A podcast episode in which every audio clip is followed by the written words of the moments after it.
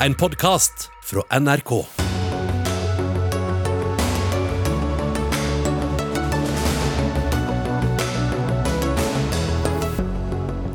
Ny klimarapport slår fast at ekstremværet er blitt mer ekstremt, og at klimaendringene er irreversible.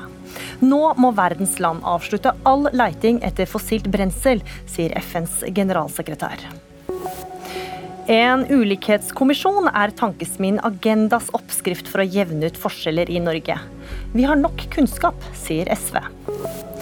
Og store protester i Frankrike etter utvidelse av koronapass. Dette viser hvor splitta landet er, mener Frankrike-kjenner. Ja, dette er noen av sakene Dagsnytt 18 har å by på denne mandagen, der vi også skal høre at aviskommentatorenes terningkast etter politiske debatter skaper, ja nettopp, debatt. Jeg heter Gry Veiby. Eh, vi starter denne sendinga med dagens største dag, eh, sak, for i morges kom en ny rapport fra FNs klimapanel. Og det som har blitt varsla tidligere, er nå blitt en realitet. Ekstremvær øker over hele kloden. Det blir flere hetebølger, kraftigere orkaner og, og mer intense regnskyll. Og FNs generalsekretær var klar i sin tale. All leiting etter fossilt brensel må avsluttes. Hva betyr det for oljelandet Norge, spør vi politikerne snart. Men først eh, skal vi til deg, eh, Asgeir Sorteberg. Du er professor ved Universitetet i Bergen og Bjerknessenteret for klimaforskning. Hvor alvorlig er disse funnene vi ble presentert for i dag? Sånn jeg ser det, så er vel det her et hakk opp ifra det vi så for 7-8 år siden, da den forrige rapporten kom. En av de store forandringene som er gjort nå, er jo at man har knytta ekstremvær i mye større grad til global oppvarming. I forrige rapport så, så var det mer en indikasjon med at klimamodellene sa at vi kom til å få mer ekstremvær. Nå har de gjort et enormt arbeid med å samle inn observasjoner fra hele verden, og vi ser at ekstremvær øker over hele kloden. Og, og det gjør jo at, at, alvorlighetsgraden nok er større i denne rapporten her enn den som kom for eh, sju år siden. Betyr det at eh, vi nå kan slå fast en gang for alle at ekstremværet skyldes menneskeskapte endringer? Økningen i ekstremvær. Ekstremvær har vi alltid hatt. Men man ser en økning, og det er en systematisk økning. Når det gjelder temperaturekstremer, så ser vi det i alle regioner i hele verden som er analysert. Mm. Og Klimaendringene er her allerede. De er både uunngåelige og irreversible, sa dere i dag. På hvilken måte er de irreversible? En del eh, klimaendringer det er, vil vare over lang tid. Et godt eksempel på det er, er havstigning.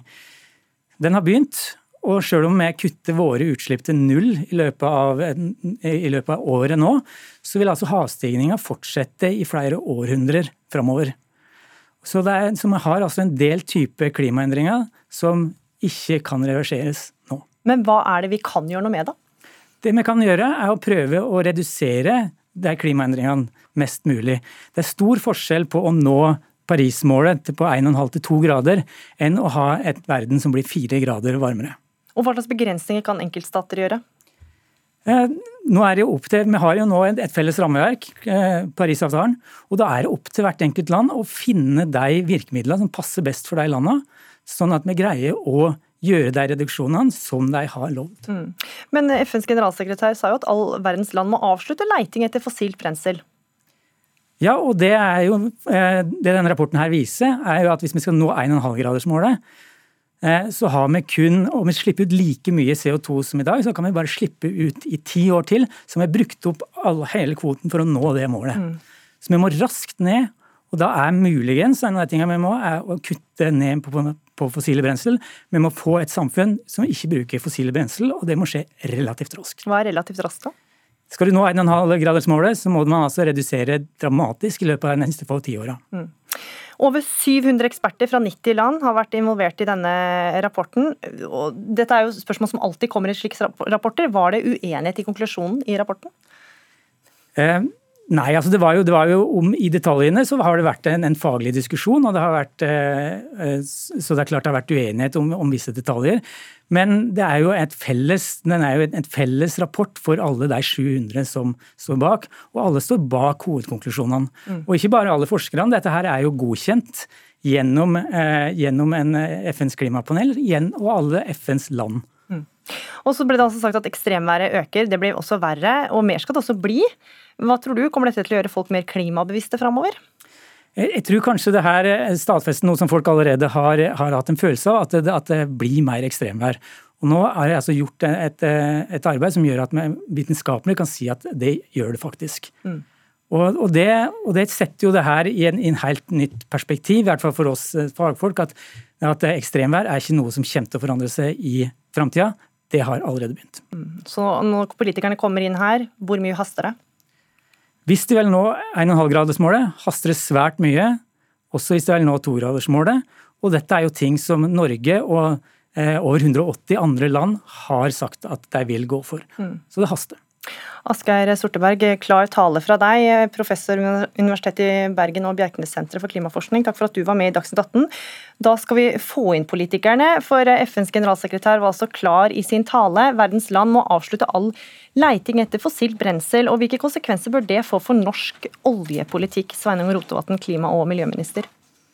Etter mitt syn og Venstres syn så bør vi ikke nå leite etter stadig nye olje- og gassressurser. Ikke i Norge og ikke i andre land. Vi bør konsentrere oss om det som allerede blir utvinna, og det vil en jo fortsette med en del år til. Men, men nå svarer du som venstrepolitiker. Ja, det er jeg. Men du er jo klimaminister.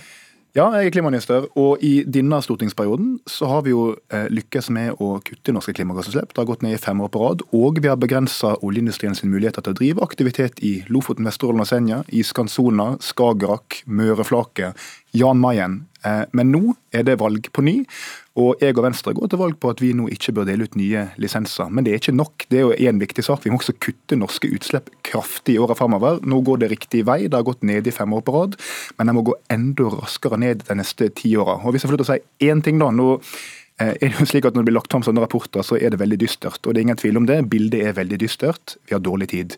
Men det er også håp. og Det rapporten forteller oss, er at det er mulig å nå målene i Parisavtalen. Vi kan fortsatt klare det. Det er ikke for seint.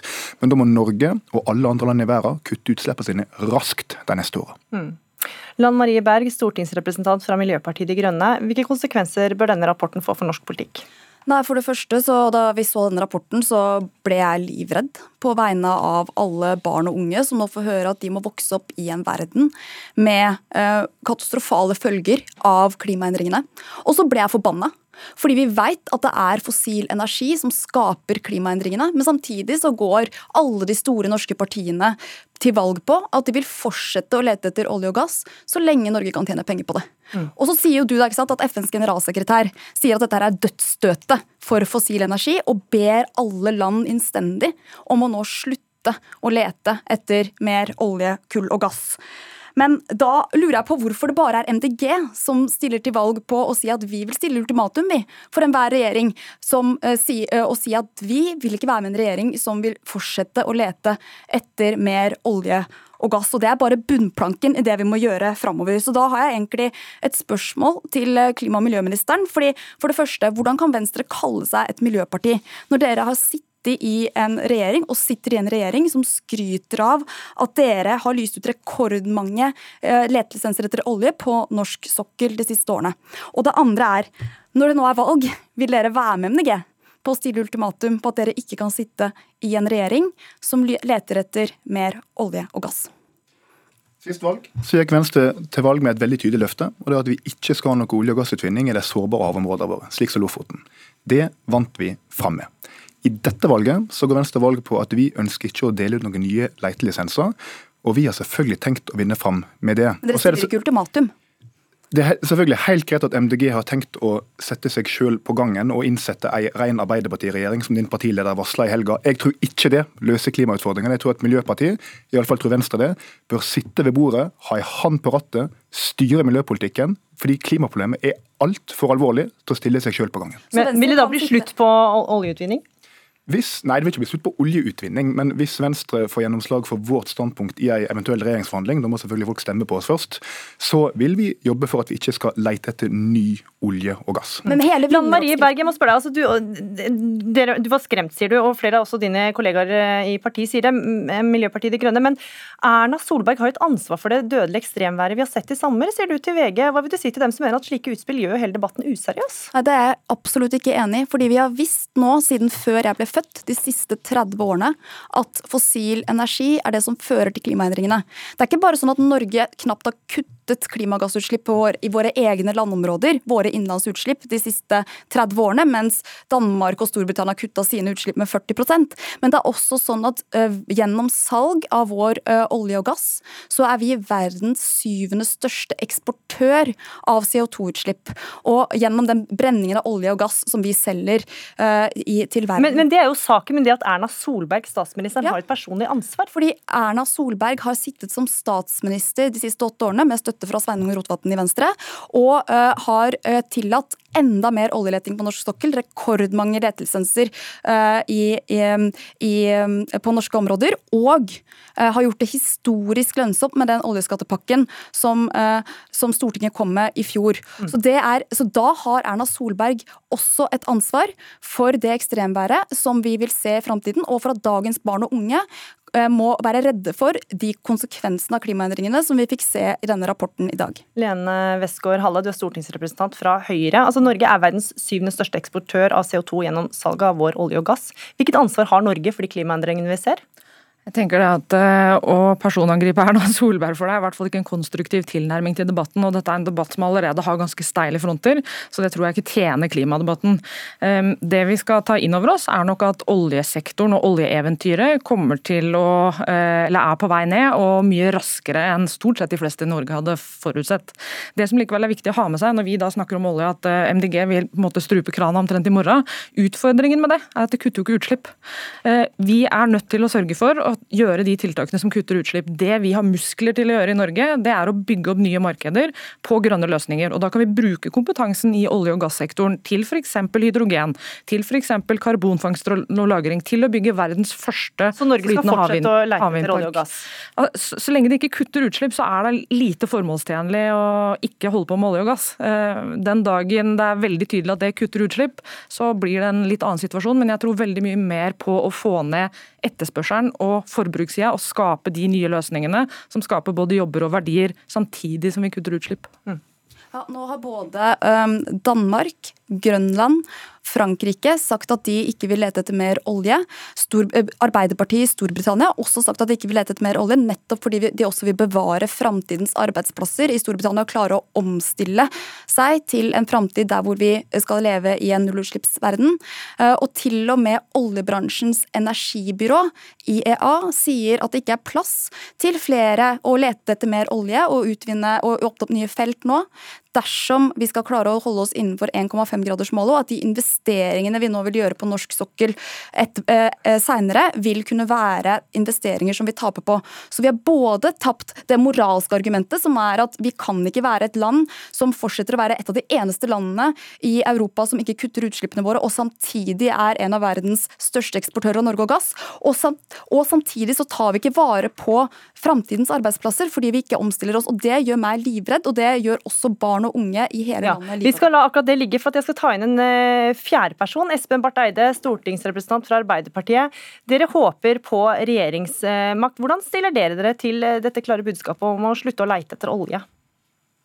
Jeg mener at uh, denne rapporten er uh, ekstremt viktig og svært alvorlig. og Den viser jo at uh, modellene til klimaforskerne stemte, og det faktisk er enda verre det vi ser når vi faktisk har empiri. og Det betyr at vi, altså når vi har konkrete målbare data på hva som faktisk skjer. Og Det betyr at vi må få opp farten på omstillingen fra en fossiløkonomi til en fornybar, bærekraftig og sirkulær økonomi i Norge og i hele verden. Og Hvordan konkret vil det se ut da med Arbeiderpartiet? Verden må rett og slett slutte så fort vi klarer med kull, olje og gass. Eh, og erstatte det med nye energikilder. Og i tillegg må vi ta vare på natur og naturens evne til å fange karbon. Men det er, altså, men, men det er jo på brukssiden, på etterspørselssiden, at dette først og fremst må skje.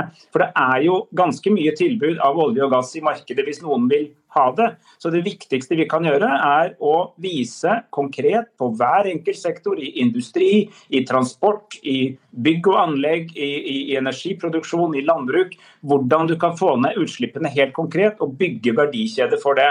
Og For Arbeiderpartiet er det mye viktigere å ha tidlig startdato på alt det vi skal gjøre etterpå. For den etterspørselen den kommer til å falle. Og der er jo Lene Westgård alle helt rett. Den kommer til å falle mye fortere enn mange har tatt inn over seg. Så det haster med å komme i gang med de nye næringene. Men det er vårt fokus. Det er å bygge de næringene som skal mm. erstatte den fossile økonomien som nå er på vei ned. Og med det skal vi også ta inn eh, en person til. Marit Arnstad, stortingsrepresentant fra Senterpartiet. Dere håper også på regjeringsmakt. Hvordan vil denne rapporten påvirke Senterpartiets politikk, helt konkret? Nei, så Dette er jo en veldig alvorlig rapport. Eh, og det denne rapporten viser er jo at eh, Vi må gjøre det vi kan for å oppfylle forpliktelsene etter Parisavtalen. Eh, der har vi lagt en plan for å kutte utslipp med 50-55% i 2030 og ned til nesten null i 2050. Det blir veldig viktig at en klarer å holde den planen, at en klarer å iverksette tiltak for å nå den planen, eller nå de målene.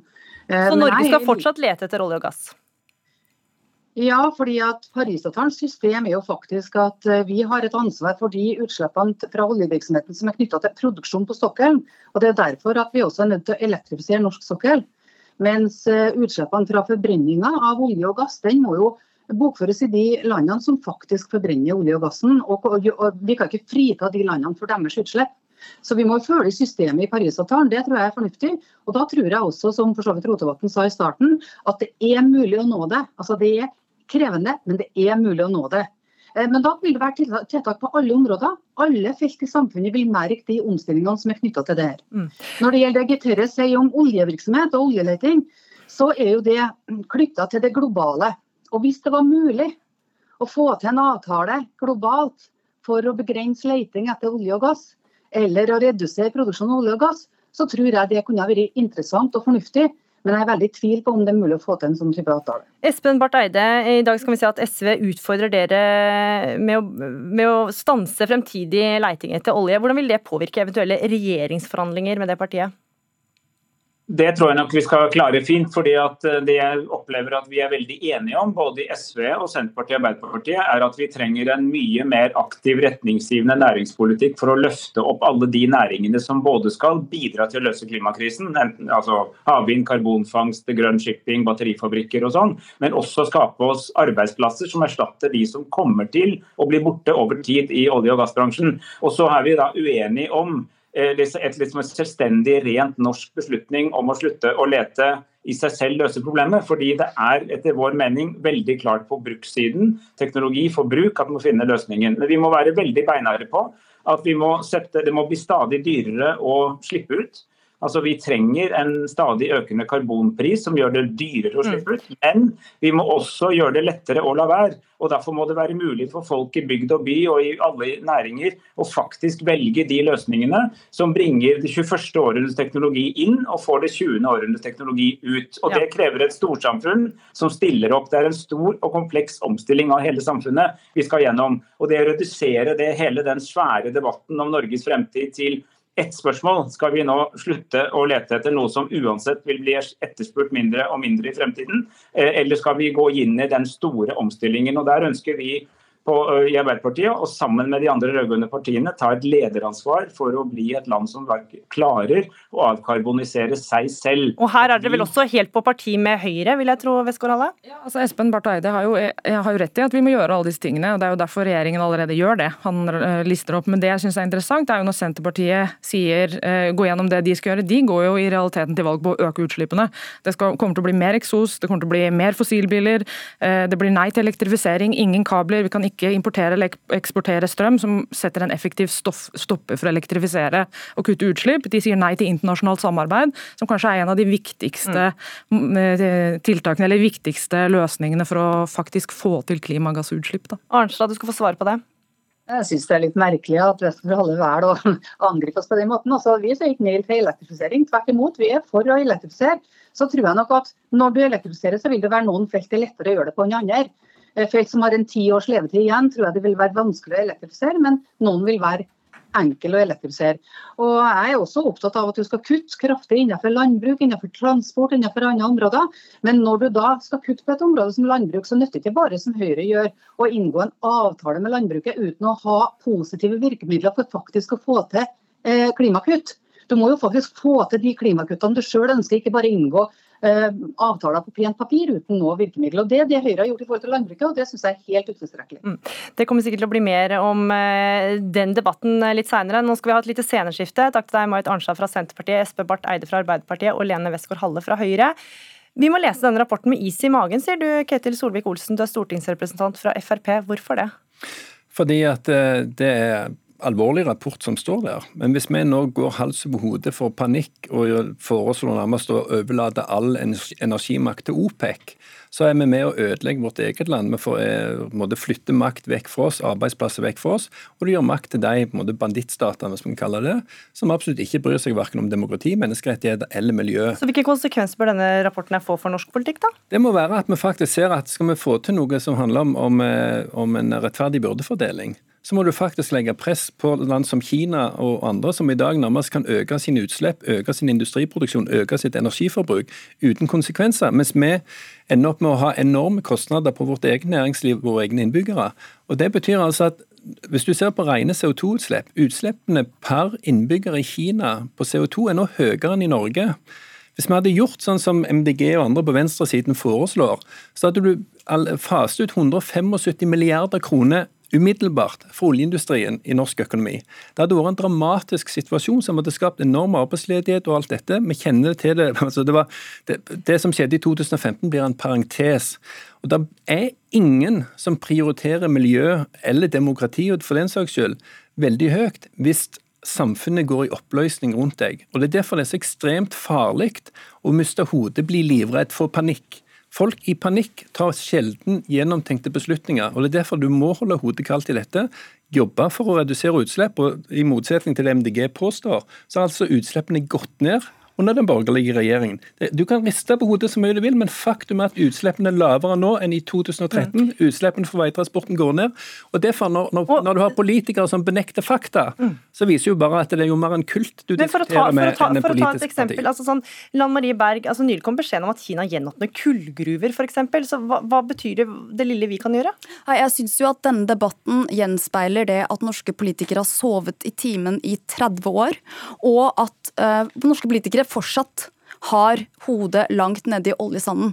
Fordi vi tror fortsatt at eh, vi skal komme oss unna med å fortsette å lete etter olje og gass så lenge vi tjener penger på det, og ikke at vi ikke skal lytte til verken FNs generalsekretær, som sier at nå ber alle landene innstendig om å slutte å lete etter fossil energi, og at MDG stiller seg på sidelinjen i norsk politikk bare for at vi skal gjøre det samme som det Frankrike har gjort, som det som Labour i Storbritannia nå vil, som det som til og med Grønland, som har store sosiale problemer og sikkert kunne trengt de oljeinntektene mer enn oss, har gjort, og Danmark har gjort. Så vi begynner å bli annerledeslandet som tror at vi kan fortsette å både tjene penger på og eh, komme oss unna det klimaansvaret vi har. Men jeg tror at framtidens generasjoner mm. jeg tror at de kommer til å se til de politikerne som styrer i dag, og beskylde de og holde dem ansvarlig for at de må arve en ulevelig klode. Og det må vi unngå. Vi har et så lite vindu nå for å klare å kutte norsk, eh, norske klimagassutslipp og verdens klimagassutslipp nok til at vi eh, klarer å beholde en verden under eh, katastrofale klimaendringer.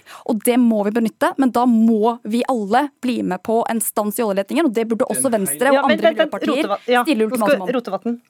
Altså, Solveig-Olsen har rett i at hvis et samfunn går i oppløsning og økonomien kollapser, så får ikke du kutta utslipp. Men nå har jo vi... det vi snakker om, vi snakker om å stanse i oljeleting, som bare er starten. Ja, men jeg skulle legge, jeg, jeg skulle legge til et men. Eh, og det mennet det var at vi har kutta norske utslipp i fem år. Dere har kutta dem med 0,5 La, la, la, la Rotevatn svare. Nei, nå, det, la Rotevatn svare. For det første er ikke det sant. Det og for det andre ingenting av det er sant, og jeg snakker. Vi har klart å kutte utslippene i fem år på rad uten at norsk samfunn har gått i oppløsning av den grunn. Og Det er fordi vi klarer å gjennomføre grønn vekst. Og jeg tror for at Når Solvik-Olsen og samferdselsminister gjør han klokt i å si at nå skal vi satse på elferje istedenfor dieselferje, selv om dieselferje var billigere. Men da kom vi i posisjon og fikk omstilt norsk industri, vår verdensledende maritime industri, til å lykkes i det grønne skiftet. Og så er det selvfølgelig rett at dersom Kina ikke gjør noe, dersom India ikke gjør noe, så er ikke nok hva Norge gjør. Men jeg sitter altså i internasjonale klimaforhandlinger. Nå er det positiv bevegelse, men det skjer ikke fordi at vi retter fingeren mot Kina og sier at nå må dere gjøre noe. Det skjer fordi vi, USA, EU, kutter sjøl og lover å kutte mer sjøl, og da får du også med deg resten, fordi det er en dugnad så ingen kan skulke unna. Men faktum er like fullt, og det er dette som MDG lukker helt øynene for, og mange på venstresiden, det er at kullforbruket i Europa har gått opp. Kullforbruket i Kina går dramatisk opp. Verden har mer enn nok olje og gass til å forsyne seg selv. Så spørsmålet er hvis Norge faser det ut, forsvinner behovet for energi? Nei, det gjør det ikke. Og Det er det MDG nekter å innse. At erstatningen her er enten økt kullforbruk eller mer olje og gass fra OPEC. Og Det er det som blir så meningsløst å lage dette til nasjonal konkurranse og late som hvis bare Norge gjør dette, så kommer resten av verden følge etter. Vi har vært en ledestjerne sånn sett i mange tiår. Jeg har vært på masse klimaforhandlinger og sett på hvordan Norges posisjoner har vært, at nå skal vi liksom gå føre. Allikevel, utslippene i Kina går rett opp i været. Og De tar våre arbeidsplasser, de, de, øker sin produksjon, de øker sin markedsmakt. Og Det er jo det som blir problemet. Hvis de landene som egentlig ikke bryr seg så mye om miljø, demokrati og lignende, er de som kommer vinnende ut i denne maktfordelingen, så hjelper det ikke at vi har aldri så gode intensjoner her. Vi mister vår rolle i samfunnet i å kunne påvirke. Og ja, Det er riktig at FNs klimapanel sier at nå kan vi slutte å lete etter olje og gass. Men det er jo fordi at de skal være diplomatiske overfor alle sine medlemsstater. Jeg tror Hadde du spurt dem, så er de ganske tydelige på at de vil heller ha energiforsyningen sin fra Norge, England, USA, enn å ha det fra Saudi-Arabia, Iran og lignende. Mm. En må forstå disse konsekvensene det har, og bare stikke hodet i sanden som MDG gjør, og tro at alle er snille. Poenget er at når når EU nå holder på å bygge en eh, stor gassledning til Russland, så flytter du hele det geopolitiske maktspillet i Russlands favør. Vi burde jo sørge for at de ble mer tilknyttet oss, mindre tilknyttet Russland. Mm. Ja, Hvis alle skal gå så sakte som det de sakteste går, så kommer vi i hvert fall til å få katastrofale klimaendringer. Heldigvis går Norge mye raskere enn de fleste andre. Nei, faktisk ikke. Jo, Fordi, faktisk. Nei, hvis du hører på meg nå. For det første så er Norge verdens syvende største eksportør av fossil energi. Vi eksporterer fossil energi eh, hvert ti ganger våre innenlandsutslipp hvert eneste år. Vi er en av verstingene internasjonalt. For det andre så sier både FNs generalsekretær ber alle land også Norge, innstendig om at vi nå må slutte å lete etter olje og gass. Og så sier energi, eh, Det internasjonale energibyrået at de investeringene vi gjør i olje og gass framover, vil vi kunne tape milliarder av kroner på. Da er det bedre, også fra et økonomisk perspektiv, å investere de pengene i fornybar energi, akkurat som FNs generalsekretær sa at vi burde gjøre i dag, og akkurat som har vært MDG sin politikk hele veien. Men det er veldig fascinerende å se hvor skjønt enige Frp og Venstre kan være her, og man ser godt hvordan det har vært for dere å samarbeide også i klimapolitikken. og Det er grunnen til at denne regjeringen har lyst ut rekordmange oljelisenser og bygd ut rekordmange motorveier. Frp har fått altfor mye gjennomslag. Men det har du sagt. Nei, nei, alternativet til at Norge hadde eksportert gass til Europa, er at du hadde hatt mer kull. Utslippene med din politikk ville vært høyere utslipp i verden. Det ville vært høyere energipriser, flere fattige. Det er faktum. Med denne regjeringa og dette borgerlige samarbeidet så har vi lykkes i å få ned klimagassutslippene. Vi har lagt fram en ambisiøs klimaplan for hvordan vi skal nå målene våre fram mot 2030. Vi er i verdenstoppen på grønn skipsfart, på elbiler og på masse mer.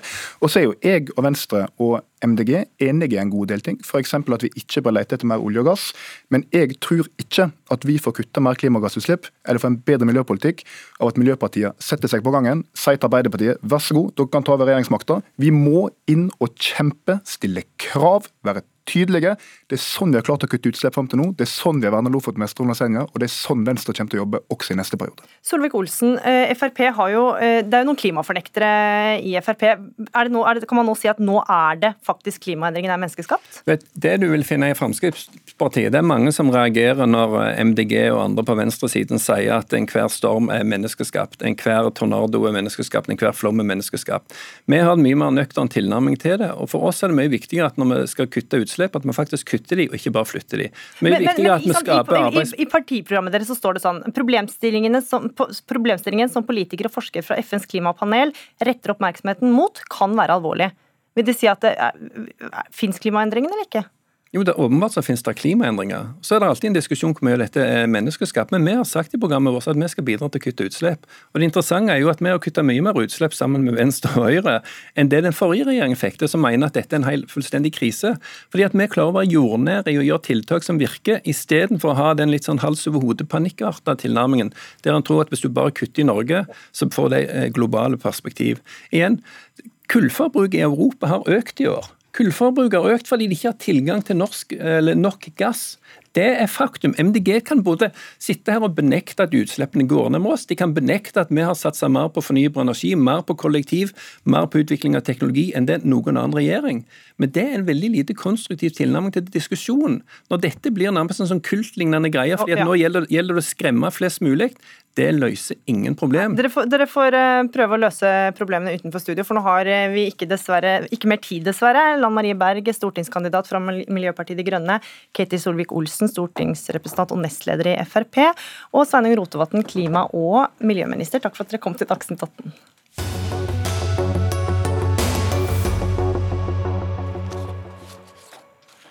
Da skal vi til en eh, litt annen sak, for eh, om en uke så er valgkampen offisielt i gang. Og da er det duka for den tradisjonelle partilederdebatten fra Arendal.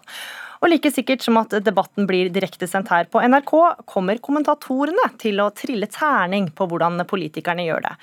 Og en gjennomgang fra avisa Klassekampen viser at de minste partiene kommer dårligst ut. Rødt får i gjennomsnitt 2,6 på terningen, mens KrF og MDG har et snitt på 3. Og Magnus Marsdal, du er leder av Manifest, også kalt venstresidas tankesmi. Hva leser du ut av disse tallene?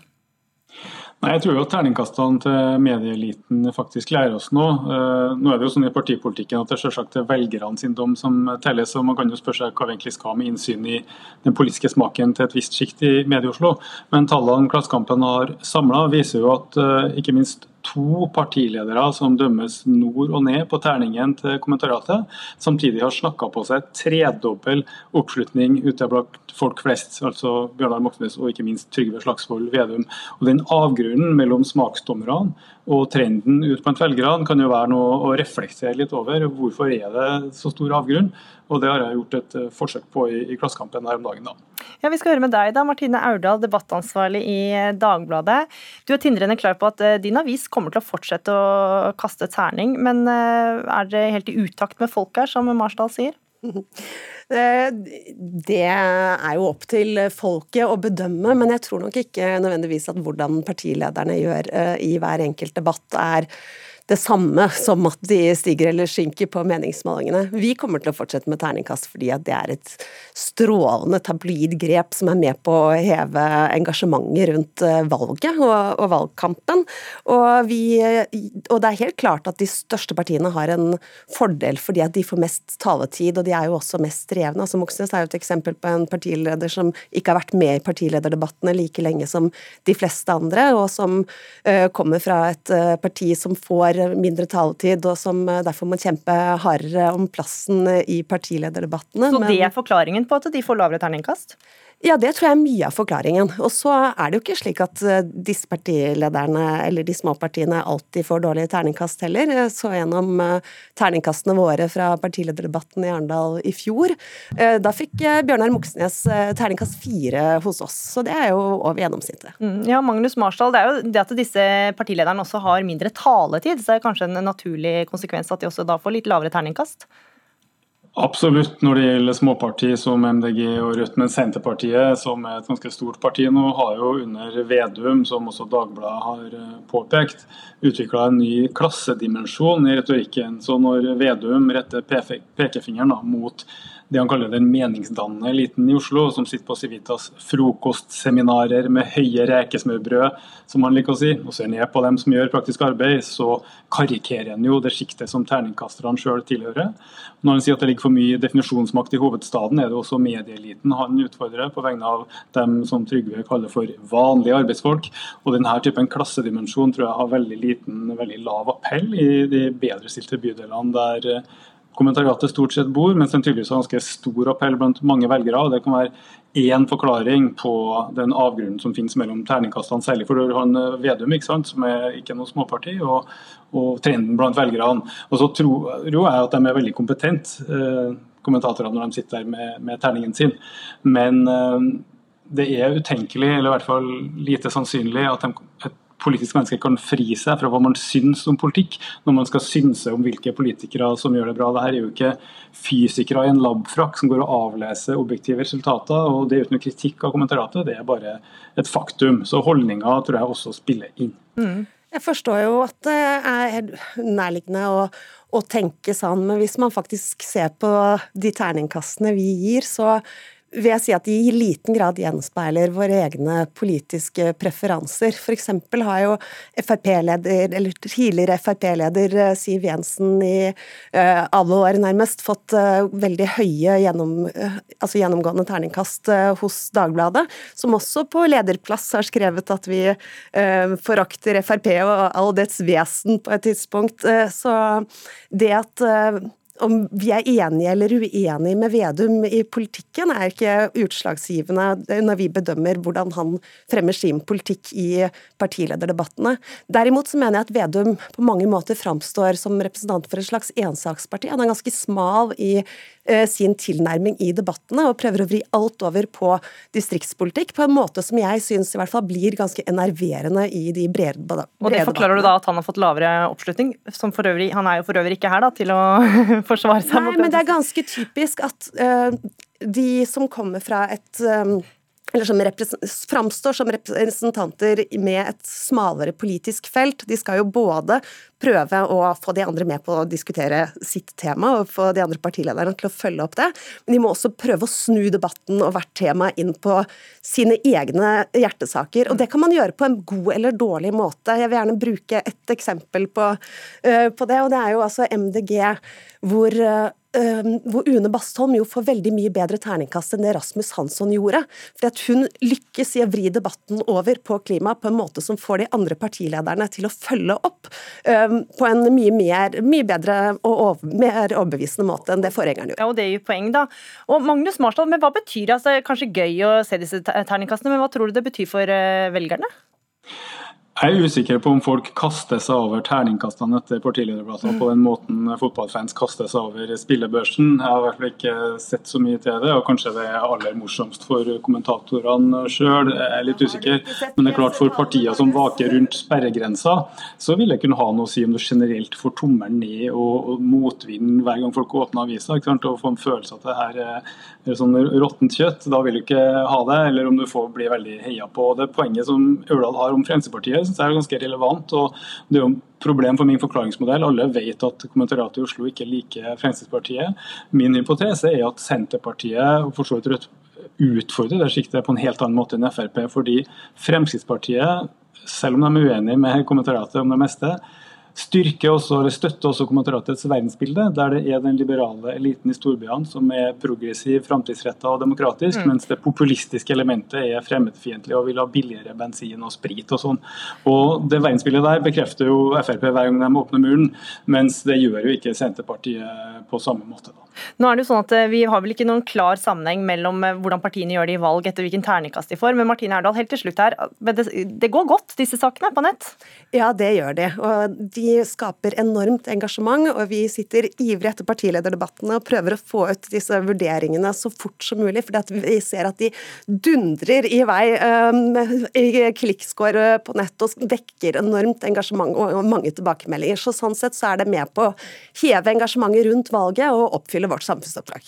Om en uke så blir det flere terningkast rundt omkring. Martine Aurdal, debattansvarlig i Dagbladet, og Magnus Marsdal, leder i Tankefest, eh, ta, Manifest Tankesmie. Takk for at dere var med i Dagsnytt 18.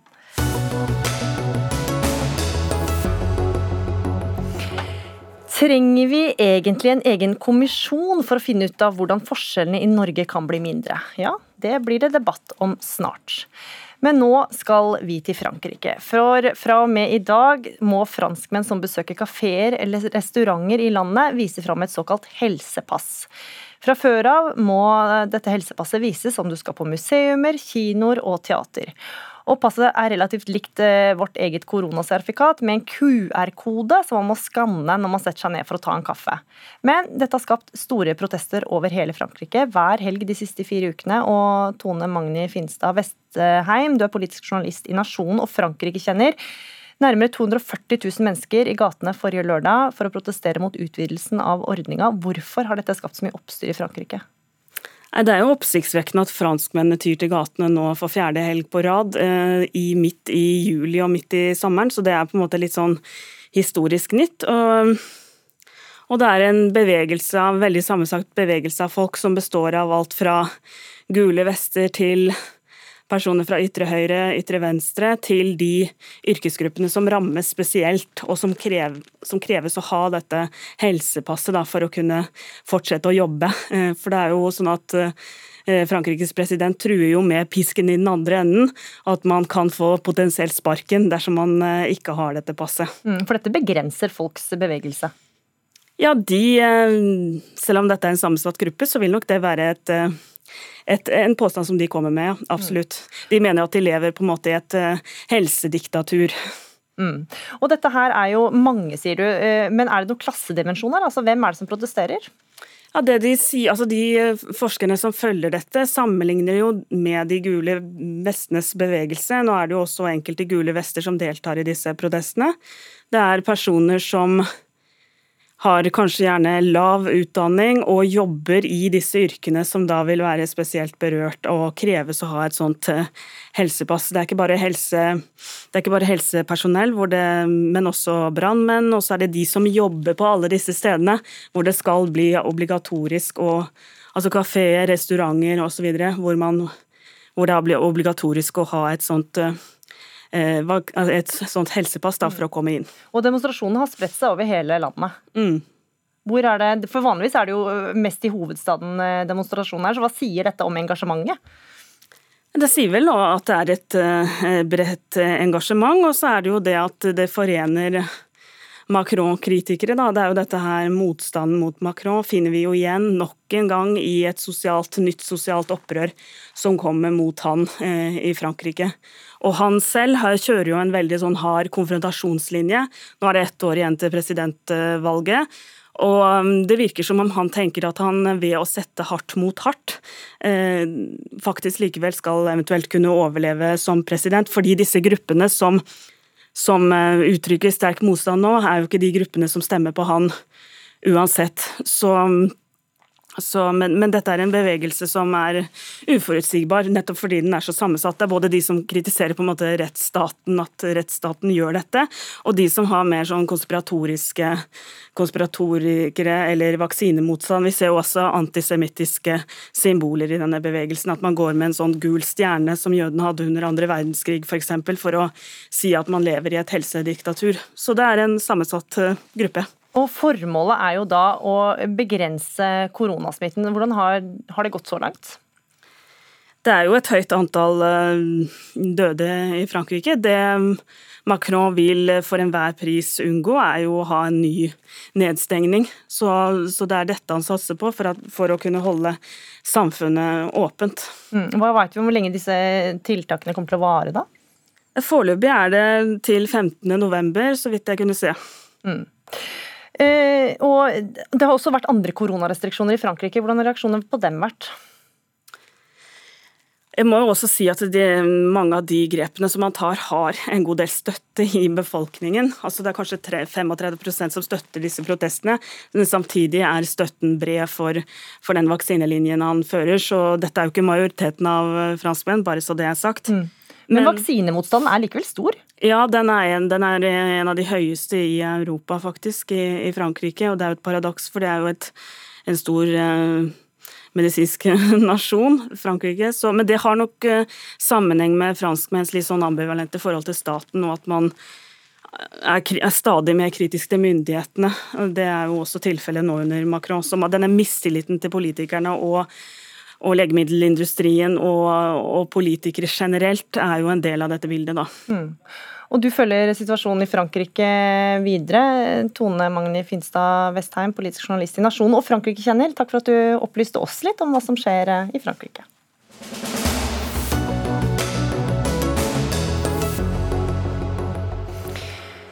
Ulikhetene i Norge vokser så fort at en eh, kommisjon bør få i oppgave å undersøke hvordan forskjellene kan minskes. Det er budskapet fra tankesmien Agenda, kunne vi lese i Aftenposten eh, før helgen. Og en undersøkelse av, gjort av Norstat for Aftenposten i april i år viser at sosiale forskjeller også er et av temaene velgerne er mest opptatt av eh, foran årets stortingsvalg. Og Trygve Svensson, du er leder i tankesmien Agenda, en tankesmi for sentrum-venstre i norsk politikk, og også delvis eid av eh, LO. Så budskapet deres må forstå litt i, sett i det lyset. Men hva skal egentlig en slik kommisjon gjøre? Det er et kjempegodt spørsmål. Eh, kanskje kan jeg, Hvis jeg får lov å bare begynne med et veldig stort svar på det, så er det at jeg synes den kommisjonen skal sørge for at vi beholder det Norge som vi er glad i. Rett og slett. Så stort. Fordi at eh, en av de tingene som har gjort Norge til et skikkelig skikkelig bra samfunn å leve i, det er jo at vi er et land med små forskjeller. Og Det betyr at vi stoler på hverandre, det betyr at livskvaliteten er høy, det betyr at vi har god psykisk helse. Det betyr masse masse positive ting. Jeg kunne sittet og snakket timevis om det. Så Det er jo det aller viktigste. En kommisjon bør sitte seg ned og tenke hvordan kan vi bevare dette samfunnet som vi er såpass glad i. Og Hvordan skal en slik kommisjon fungere? Altså, hvordan skal de gå til verks til dette, for dette mandatet? I Norge har vi noe som er helt fantastisk, og det kalles jo utredningsinstruksen. og Det betyr at du rett og slett, det betyr at hvis du har en stor og kompleks eh, problemstilling, så kan du sette ned noen av de flinkeste fagfolkene, så kan de jobbe fram en NOU, og så kan politikerne ta beslutninger basert på den. og Det har vi gjort mange ganger før, så det er en ganske velprøvd metode. Eh, og Grunnen til at vi bør ha en ulikhetskommisjon, det er jo fordi at jeg tror vi nå har kommet rett og slett til et litt sånn metningspunkt. Du sa det sjøl. Ulikhet er altså den viktigste saken for norske velgere i denne valgkampen. Det er ikke noe rart, for ulikheten har økt jevnt og trutt, faktisk helt siden 80-tallet, men nå har han kommet på et kritisk høyt nivå. Ulikheten i Norge nå, på formue f.eks., for er på samme nivå, hold deg fast, som Storbritannia med sine kostskoler, slått, sitt dype klassesamfunn. Vi har flere dollarmilliardærer enn dollarens hjemland USA, eh, og det er bare formue.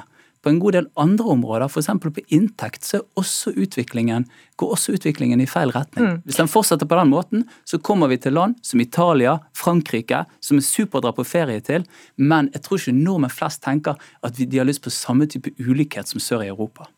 Masud Gharahkhani, du er stortingsrepresentant fra Arbeiderpartiet. Dere syns denne ulikhetskommisjonen høres ut som en god idé. Hvorfor det?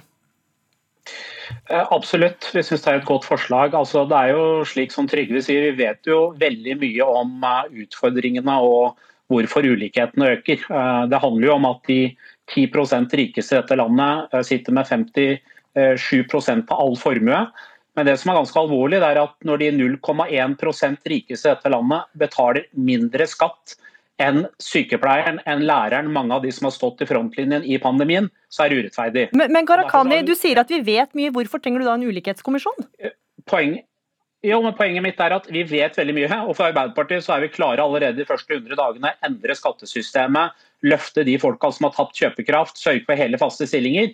Men så er det også behov eh, programleder, for å gå dypdykk i alle de eh, områdene vi vet kan bidra og være drivere i ulikheter. La meg være litt konkret. Eh, det handler om lederlønninger i staten og de statlige selskapene. Og Det kommer vi til å mandat, at det er noe av det denne ulikhetskommisjonen skal se på. Der har vi sett en vanvittig lederlønnsgalopp i staten og de statlige selskapene. Der statlige toppledere sitter igjen med lønnsfesten år etter år, mens vanlige folk blir bedt om lønnskompensasjon. Vi vet at boligpolitikken er en av disse driverne. Vi vet at mangel på et organisert og seriøst arbeidsliv er en del av det. det og Hva kan da konkret en sånn kommisjon gjøre da? Altså En kommisjon må være åpen og ærlig om de store utfordringene Norge har med ulikheter. Eh, den må være bredt sammensatt med partene komme med tydelige innspill til politikerne om hva som skal til for å snu den trenden, eh, og sørge for at Norge er et land med små forskjeller. Og nettopp denne sosialdemokratiske samfunnsmodellen som har gjort at vi har klart oss mye bedre enn veldig mange andre land i denne pandemien. Og vi mm. vet at ut av pandemien kan ulikhetene skyte fart. Og det å ha en ulikhetskommisjon som også kan se bredt på det, er viktig. I tillegg til alle de tiltakene Arbeiderpartiet er klar til å gjennomføre allerede de første 100 dagene, dersom vi får regjeringsmakt. Kari Elisabeth Kaski, stortingsrepresentant fra SV.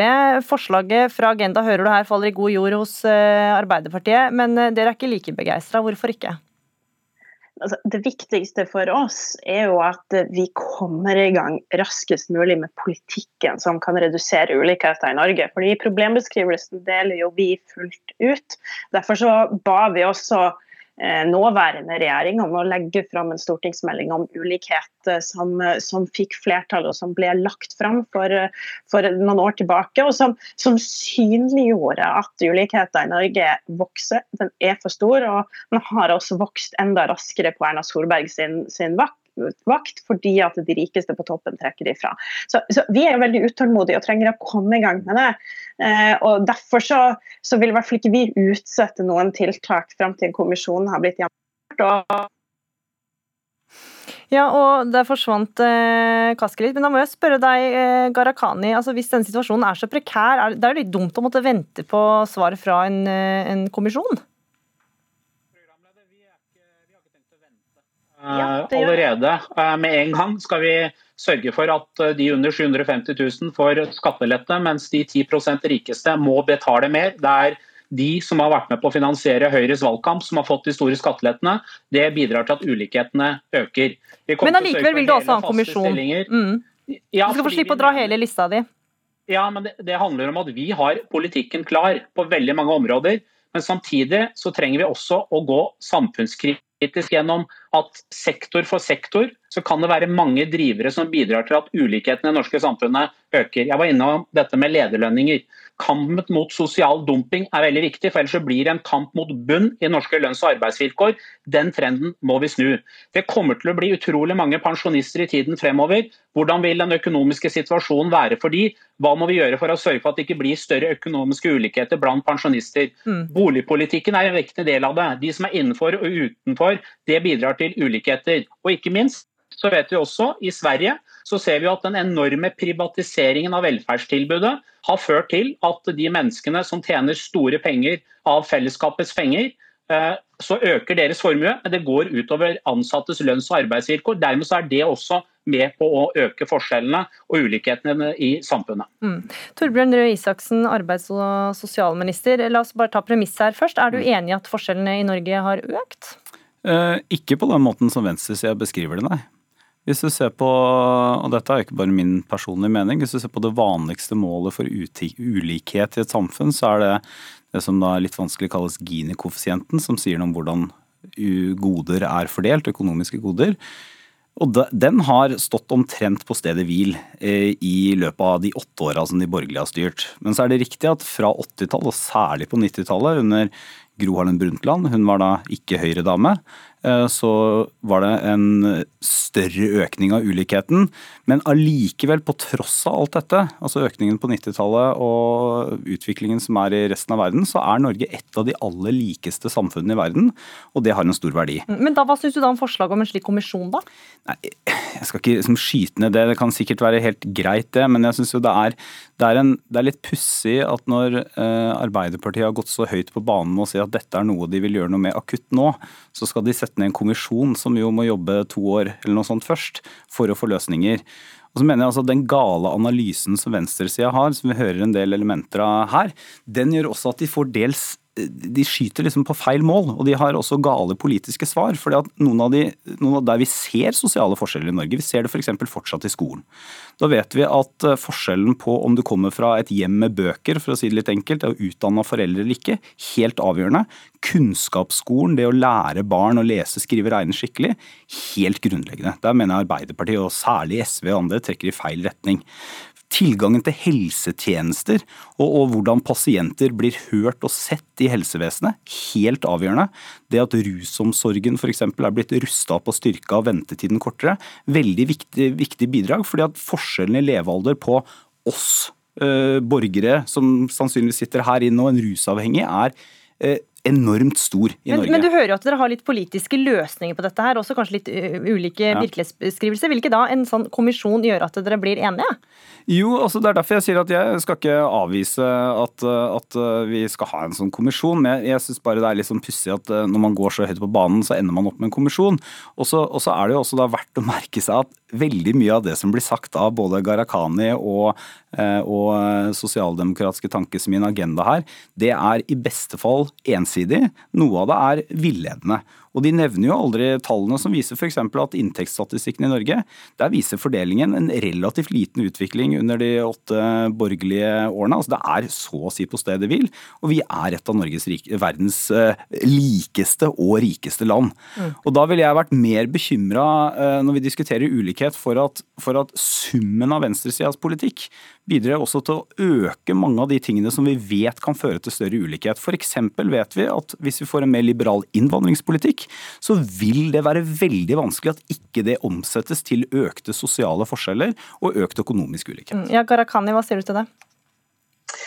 Eh, altså det er jo slik at eh, Dersom man skal sitte og se på eh, og sørge for at ulikhetene i Norge skal fortsette å øke, så må man stemme på Høyre. Eller sitte og vente på at dere skal komme med svar fra Nei. kommisjonen deres, da? Nei, Vi er klare fra første dag til å gjennomføre mange kraftfulle tiltak for å gjøre noe med ulikheter i det norske samfunnet. Det er jo sånn at Når de 0,1% rikeste i dette landet her betaler mindre skatt enn en sykepleier og en lærer, så bidrar jo det til at forskjellene i det norske samfunnet øker. Det er de samme supereliten som Torbjørn Røe Isaksen og Høyre ønsker å gi ytterligere store skatteletter til. Det betyr at det blir mindre penger til en skole som kan ha tett oppfølging. Mindre penger til å gjøre noe med de sosiale forskjellene. Og når uh, Torbjørn Røe Vi skal ikke ta hele den skoledebatten, men jeg må, jeg må høre med deg, Kari Elisabeth Kaski. Altså, vi hører jo her at det er politisk uenighet. Altså, en sånn kommisjon kan jo gi litt pekepinn som, pekepinn som ikke er politisk, og derfor lettere å enes om? Jeg tror jo at eh, fakta ikke biter på høyresida i denne saken. her. Regjeringa har selv lagt fram en stortingsmelding som viser at hovedgrunnen til at ulikhetene i Norge øker, er fordi at de rikeste på toppen, de superrike, trekker ifra. Og Det kan ikke høyresida og Torbjørn Isaksen snakke seg vekk ifra, men de er mer opptatt av å snakke om at vi må uh, gjøre noe for de aller fattigste? Ja, det må vi gjøre. Og der har dagens regjering svikta, for det har blitt langt flere unger som vokser opp i fattige familier på deres vakt. Men samtidig er også ulikheter økt dramatisk, og det er jo det som er det mest alvorlige, for det svekker samfunnslivet. Det svekker oppslutninga om velferdsstaten, og det er vi nødt til å ta tak i. Og Da må kraftfulle tiltak på omfordelende skattesystem, på et langt mer organisert og trygt arbeidsliv der vi forbyr i profitt i velferden. Da må vi ha et mer rettferdig boligmarked. Vi er mm. nødt til å gjøre noe på alle disse områdene. og Det å f.eks.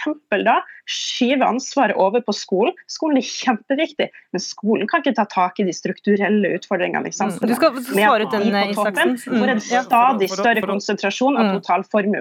For, For, for, for, å si litt om, om, dette. Altså For det første så betaler de rike i Norge og skal betale eh, skatt, og de betaler, skal betale mer skatt. og Hvis du tjener mer, så skal du betale mer. Og Statistikken viser også at på inntektsulikhet så er det, er det omtrent likt som det var. Altså Det er ingen store endringer. De kom primært på 90-tallet. Og så avslører både Arbeiderpartiet og SV her at dette handler egentlig ikke om den store ulikhetsdiskusjonen. Dette handler om at Arbeiderpartiet har gjennomført sine ting og SV sine ting. SV nevner f.eks. ikke at de vil ha en mye mer liberal innvandringspolitikk. Eh, nesten all økningen i barnefattigdommen i Norge kan forklares med høyere innvandring. Det må SV forholde seg til. Mm. Arbeiderpartiet nevner ikke at et av deres viktigste grep i helsepolitikken, det er å sørge for at du reintroduserer et todelt helsevesen, hvor f.eks. ved å si at eh, bare de som har tjukk lommebok skal få lov til å velge andre alternativer enn det offentlige. Eh, godt mulig at det er et viktig bidrag til sosialdemokratisk ideologi, men spesielt bra for en rusmisbruker som til nå har fått muligheten til å velge seg et privat tilbud på statens regning. Det er det jo ikke. Trygve Svensson, eh, du som også vil ha denne kommisjonen. Denne debatten her viser en kanskje at det er behov for en sånn kommisjon? Eller? Jeg er kjempeglad for debatten. Jeg syns det er veldig bra at vi debatterer ulikhet. Eh, og så, er det kanskje liksom to litt analytiske poeng, da. Mm, veldig kort. Ja, veldig kort. For det første, politikken slutter ikke selv om vi har en kommisjon. Sant? Vi har en ytringsfrihetskommisjon som jobber i Norge nå. Vi har fremdeles ytringsfrihet. Det er en helt vanlig måte å holde på å utvikle politikk på, og se de lange linjene. Og så en annen ting, og det, det som òg er interessant, som kanskje lytterne kan merke seg, det er jo at hele ulikhetsdebatten har flyttet seg. Altså Hvis vi går tilbake til 15 år sant? Jeg og Torbjørn vi er født i 1978 begge to. er Veldig bra årgang. Eh, eh, og, og, eh, og da For 10-15 år siden så var det mange fra høyresiden som ofte sa vet du hva, ulikhet er bra. Det er ok. Det vekker konkurranseinstinktet i folk. Den debatten er over. Folk, hele feltet har flyttet seg. Alle er enige om at ulikhet er en dårlig ting. Og for oss i Tankesmien Agenda er det faktisk skikkelig skikkelig viktig. Og så tror jeg det er viktig med en kommisjon, ja. fordi utviklingen går i helt feil retning. Trygve Svensson fikk siste ord her. Kari Elisabeth Kaski, Torbjørn Røe Isaksen og Masud Gharahkhani, takk for at dere var med i Dagsnytt 18, som i dag var ved Sara Victoria Rygg, Ragnhild Bjørlykke og Gry Veiby. Du har hørt en podkast fra NRK. Hør flere podkaster og din favorittkanal i appen NRK Radio.